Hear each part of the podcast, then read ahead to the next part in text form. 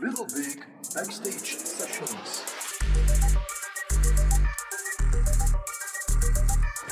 Welkom in backstage sessie nummer 2 van eh, Little Big and Partners.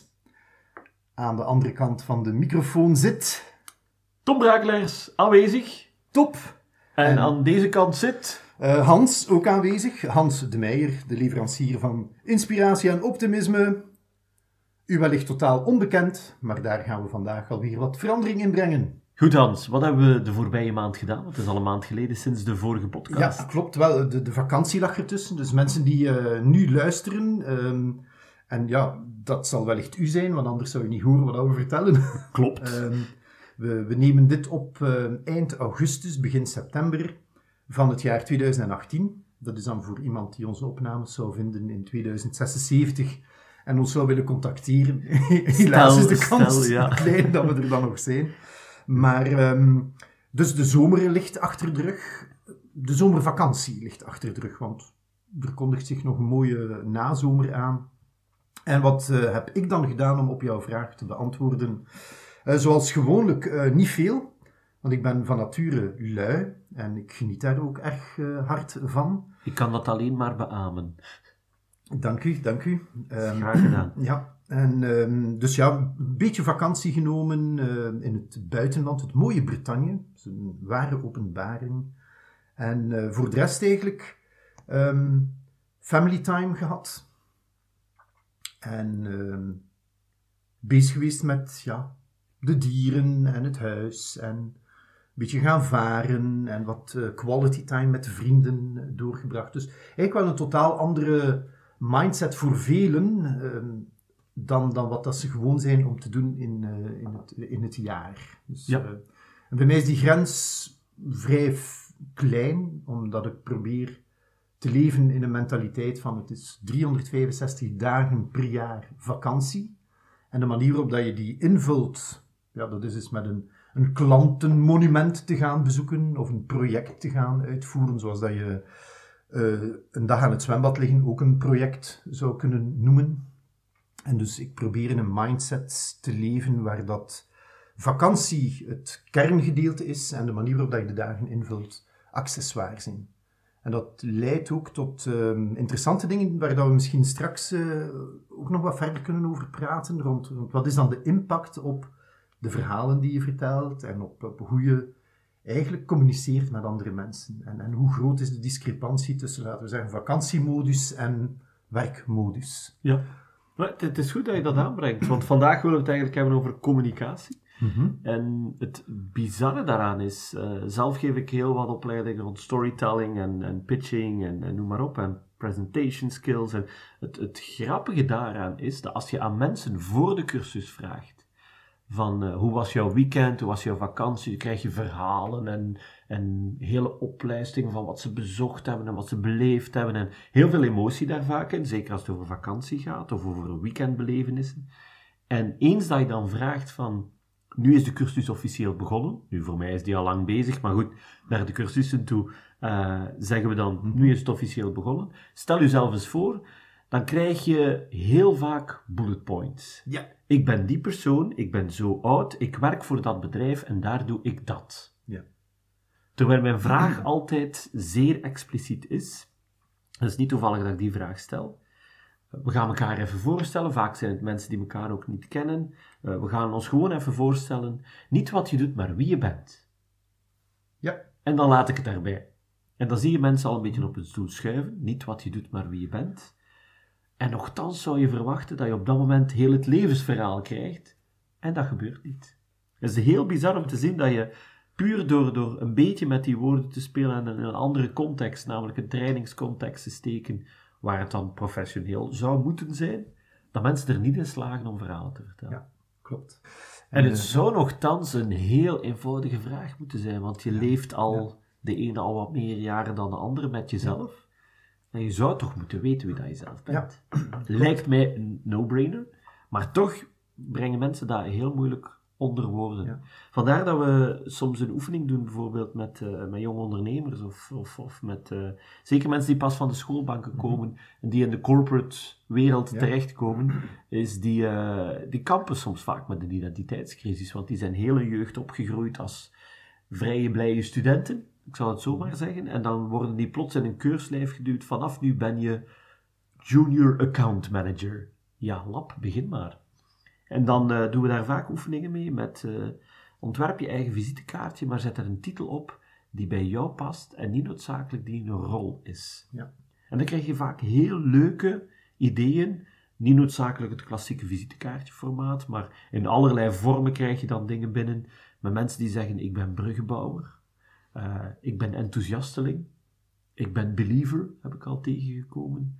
Um, allerlei zaken waarvan dat je merkt van als je gewoon een paar woordjes daaraan verandert, geeft dat in je manier waarop dat je ook communiceert een totaal andere insteek.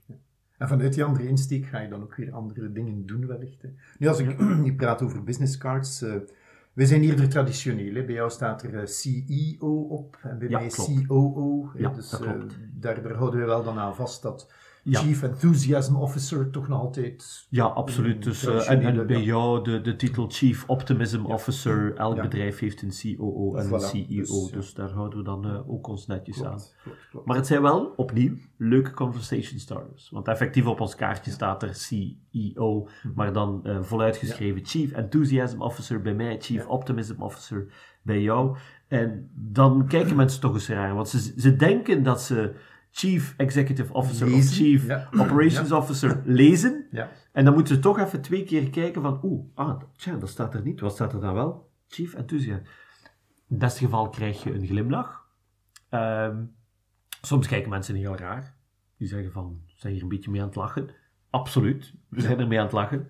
Uh, maar het, het, geeft wel een, een, aanleiding om een gesprek te beginnen over wat bedoel je daar nu juist mee. Mm het zegt evenveel als Chief Executive Officer zegt. Ja.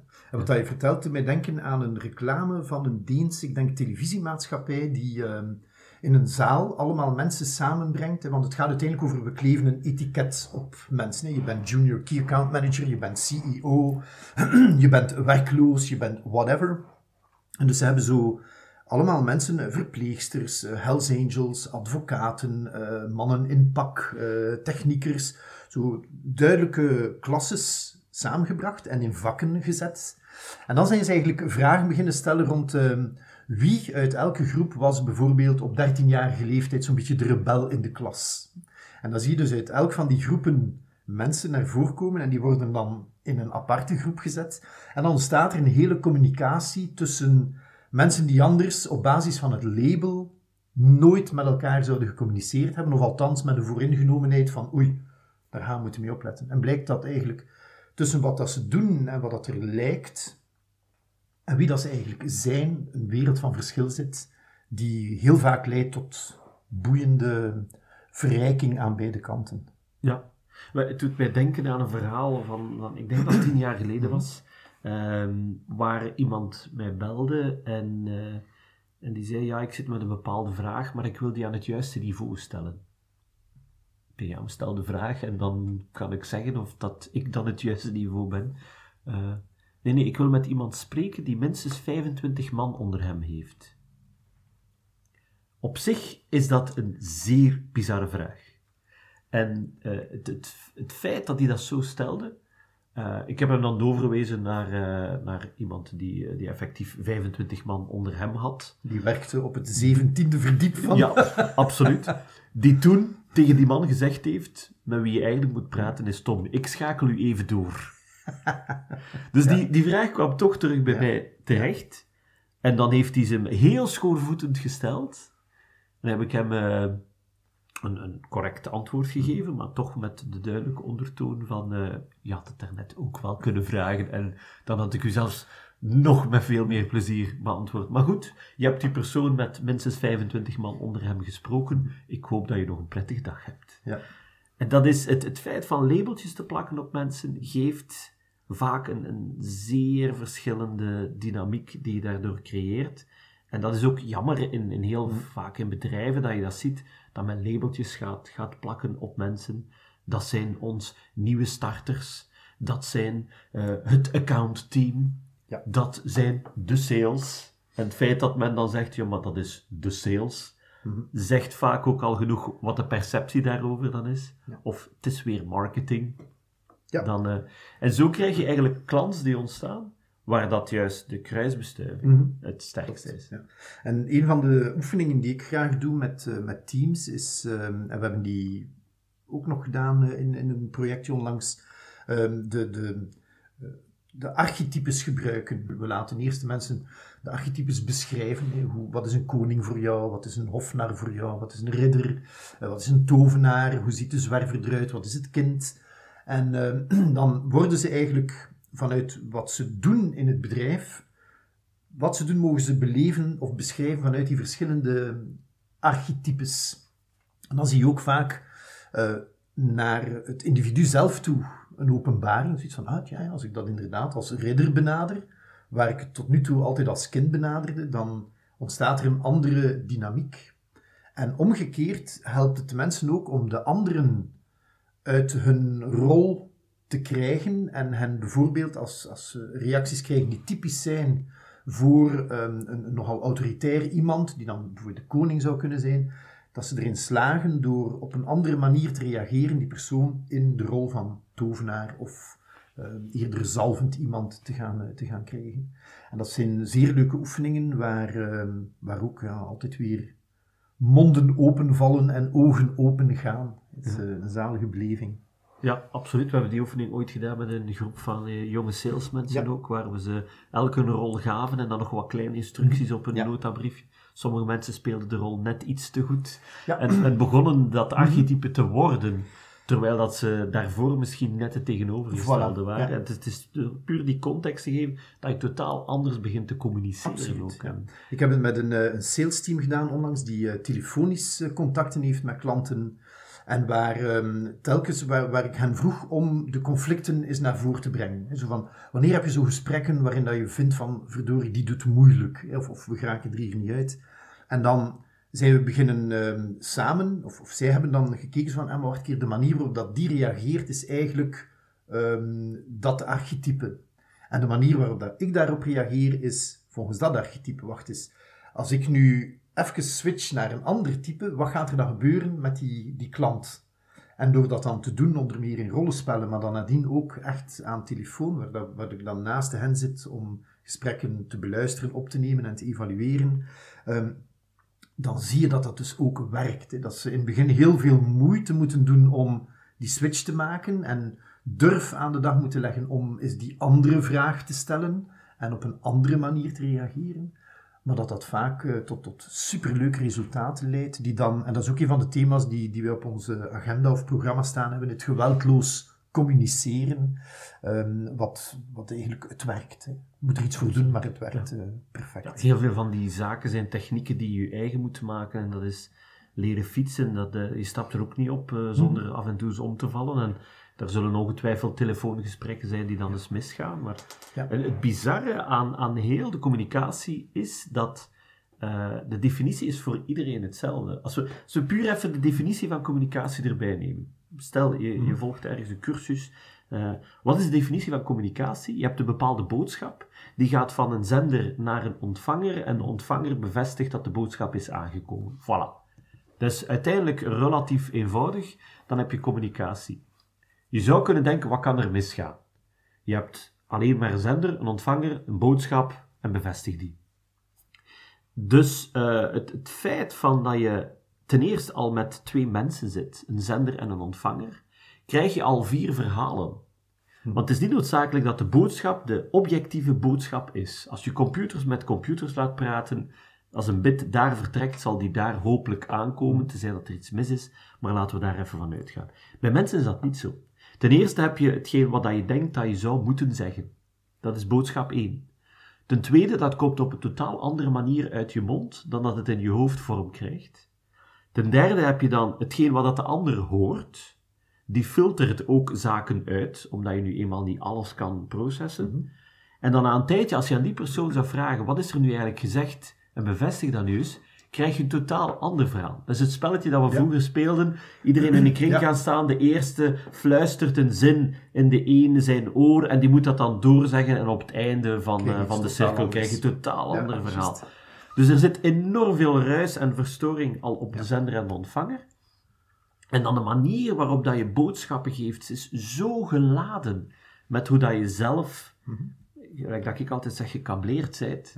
Um, maar ook de manier waarop dat je in een bepaalde context een boodschap geeft, dat het totaal anders kan overkomen bij iemand die dan ook nog eens met zijn eigen perceptie en, en eigen model naar die boodschap gaat kijken. Dus dat maakt dat het zo gecompliceerd is, dat mensen soms zeggen, weet je wat, dan zwijg ik. Bijvoorbeeld? Ja, maar ook dat is geen oplossing. Want er is een bepaalde premisse die je altijd voor ogen moet houden, en dat is, je kan niet, niet communiceren. Dus zelfs iemand die zwijgt, is aan het communiceren. En dan heb je mensen die zeggen, ja, maar dan ga ik niet zwijgen, ga ik gewoon zeggen dat ik ga zwijgen. Ook dat, is, communicatie.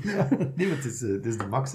En uiteindelijk, de enige betekenis van, van wat dat je wil overbrengen, ligt in de feedback dat je krijgt. En en dat is ook een, een, iets wat heel veel mensen vergeten. Hè. En dan, dan, dan, uh, jij vertelde onlangs het verhaal, was dat van die CEO die... Ja, ja. Dus uh, we doen ook een aantal... Uh, op receptie, na, na een presentatie komt er iemand bij mij. Ik had net een heel verhaal gedaan over ehm, hoe dat je bepaalde strategische doelstellingen in grote teams communiceert naar, naar mensen. Wat er heel vaak gebeurt is, met managementteam gaan ze ergens op een offsite, een hutje, ergens in de bossen volledig afgesloten, strategie gaan bedenken, grote roadmaps en ja. uh, meerjarenplannen gaan neerleggen. En dan zitten ze daar heel lang over te discussiëren. Begrijp me niet verkeerd, zeer belangrijk. Uh, we begeleiden dat traject ook graag om daar al de boodschap in te steken van hoe ga je dat dan mhm. communiceren. En dan komen ze terug, doen ze een, uh, een, een all-hands meeting, uh, zoals het in het Engels noemt, of, mhm. of een company meeting, of, of een team meeting. En daar komt dan de grote baas vertellen wat de nieuwe strategie is. Ze hebben het licht gezien en hier gaan we de komende jaren mee verder. dus ik, ik vertel tijdens mijn presentatie hoe dat je dat soort zaken aanpakt. En die man komt bij mij en die zegt: uh, Ja, kijk, ik ben, ik ben CEO van een groot bedrijf. En uh, ik hoor wat je zegt. Meestal iemand die zegt: Ik hoor wat je zegt, wil zeggen dat er daarna komt, maar ik ben niet akkoord. Ja. ja. Ik hoor wat je zegt, maar wat doe je als je domme mensen hebt. Ja. Mijn eerste reflex in mijn hoofd, maar dan moet je die onderdrukken, was wie heeft die aangeworven? Maar goed, voilà, dat, uh, dat, was ook mijn eerste... Dat, uh, Dan mag je dat niet doen.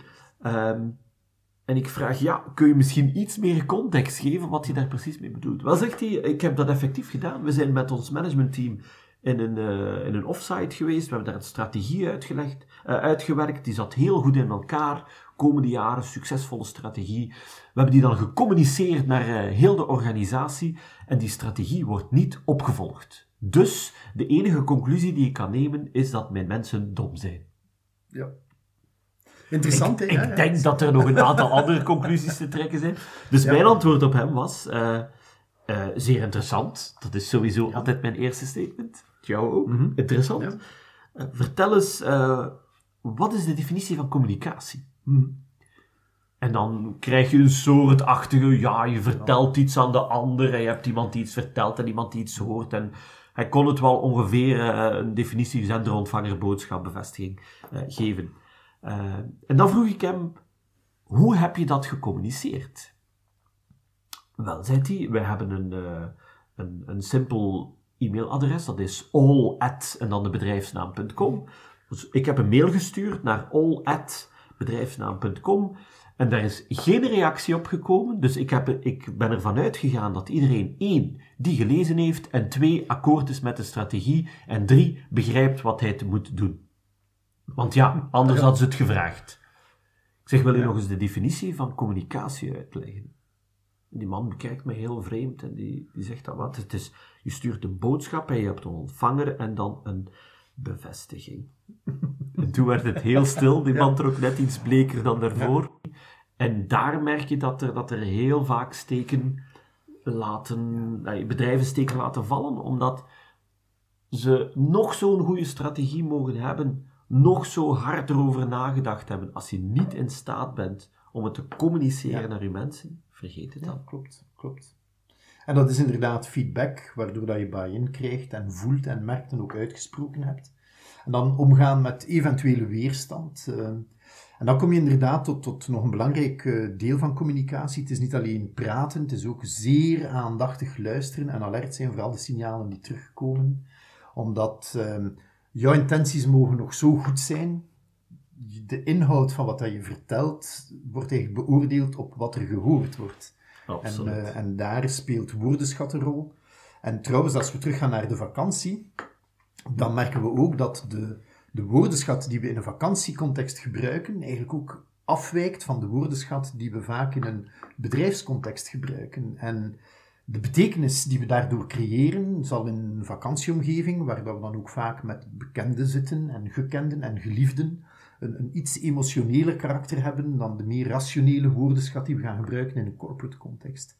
En dat heeft een enorme impact op hoe uiteindelijk uw, uw uh, boodschap landt en vooral wat mensen er dan mee gaan doen en hoe dat ze jou dan gaan percipiëren uiteindelijk.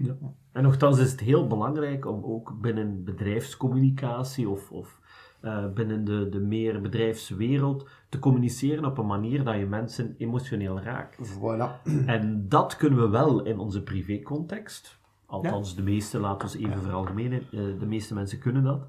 Um, de, de, het feit om dan diezelfde manier van communiceren in een bedrijfscontext toe te passen, wordt ook niet altijd aanvaard. Klopt, ja. Want ja, nee, nee, wij, wij zijn, ja. wij zijn een, een corporate omgeving, wij zijn een, een bedrijf, mm -hmm. dit is business, dit gaat hier niet over emotie.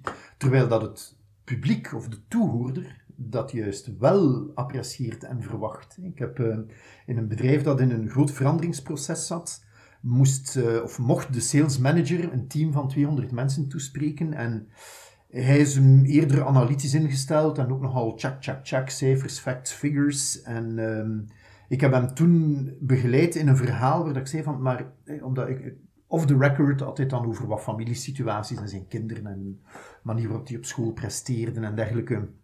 En er is uiteindelijk een verhaal, een soort metafoor uitgegroeid, die in het begin voor hem redelijk onwennig was. Want hij zei zoiets van, ja, ik sta daar voor mijn hele team en ik ga moeten praten over, over persoonlijke dingen, dat, dat is toch... Hey, um, maar hij zag wel wat de bedoeling was en het effect, en heeft dat dan ook gedaan. En dat is een van de betere toespraken geweest. Hoor je dan achteraf van die teamleden, is van wauw, eigenlijk wel leuk dat we eens een, een andere kant van de persoon zagen, die ons toch de boodschappen heel goed heeft doen begrijpen en die een soort solidariteit en een emotionele verbondenheid creëert. En uh, dat zijn zaken waar... Um, die vaak over het hoofd gezien worden, zoals dat je zegt. Ja, we zitten ja. in een corporate context, jongens, facts, figures. Uh, dat is uh, zoals dat. Um, over vakantie gesproken alweer. Um, als, je, als je op vakantie gaat, ga je ook niet beginnen communiceren over, laten we zeggen, het proces. Maar ga je eigenlijk de emotie wekken door te praten over de bestemming. En over wat er allemaal gaat gebeuren en hoe dat je daar gaat voelen.